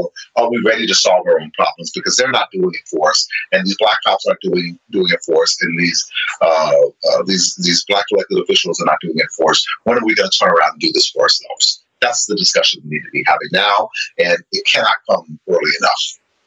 Definitely. And we have another caller on the line here. Comrade, tell us what's on your mind. Oh, this is Comrade from Washington, D.C. I just had a question for uh, Mr. Rameau. I, it seems like uh, that uh, organizing our own police is a, or our own armed forces is a good idea, mainly because then that would cut through all the nonsense about cops playing basketball and cops playing go-go music. But the thing though is that I think everybody's well aware if we had our own armed police in Washington D.C., we can't curse on air, but we'd have our butts kicked. So, what is the solution? I know Pan African Community Action. That's the name of the organization that Mr. Rameau belongs to. That uh, all of you are talking about. Uh, you know, you put out white papers and then you've been talking about this kind of like uh, putting it on the ballot in DC for people to vote on the idea of the community controlling the police. But the thing though is, is that the, I'm, I'm not sure. Like, I don't, I'm not sure if armed police is the solution just on our own or if doing it through the ballot is the solution. What does the Pan African Community Action. I'm not sure if Mr. Rameau is representing Pan African Community Action on this call, but I'm just wondering what Mr. Rameau thinks about the the way to deal with it in Washington D.C. Oh, thanks for calling in, comrade. Hope to hear from you again soon. Max, your thoughts? I am representing uh, uh, PAC or Pan African Community Community Action. And look, we're just to be perfectly clear, we're not saying that we should be doing this by itself. Uh, or first and foremost, this has to be part of the community control of police, has to be part of an organized effort. It has to be part of an effort to organize our communities towards feeding ourselves, towards housing ourselves, and ultimately towards protecting ourselves. Uh, I certainly agree that right now it looks like if we just did this spontaneously, that we would be crushed.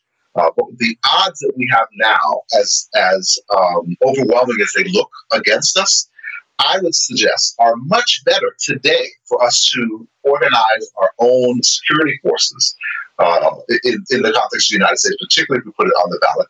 The chances of us succeeding there are much better today than they were in 1953 in desegregating the South of the United States. We had zero chance of succeeding close to zero chance of succeeding at that time.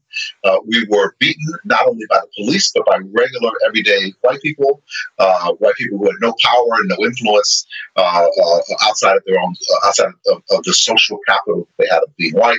Uh, and we were able to win there, win desegregation, certainly not win any kind of equality in a real sense.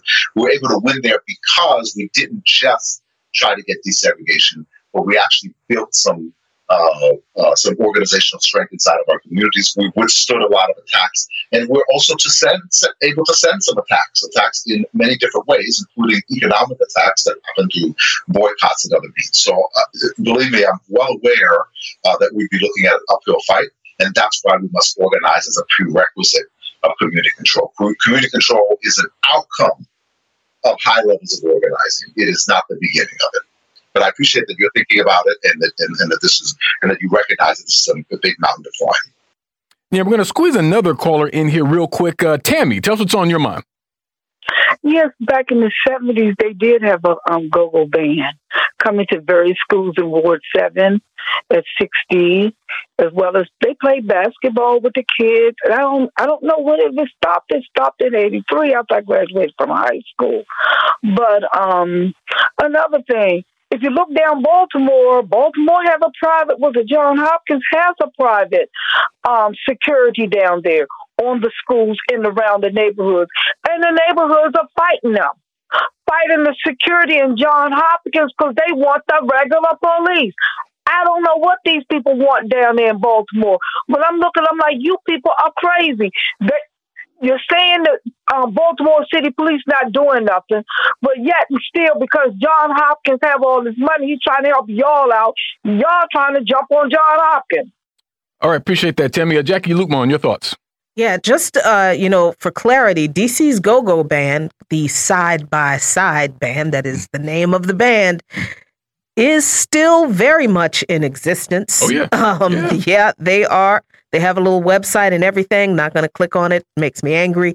Um, but you know, Max, I I think to to to really get to the meat of this, there has been so much effort uh, to discredit the idea of community control over the police, community uh, control over all the institutions in our community.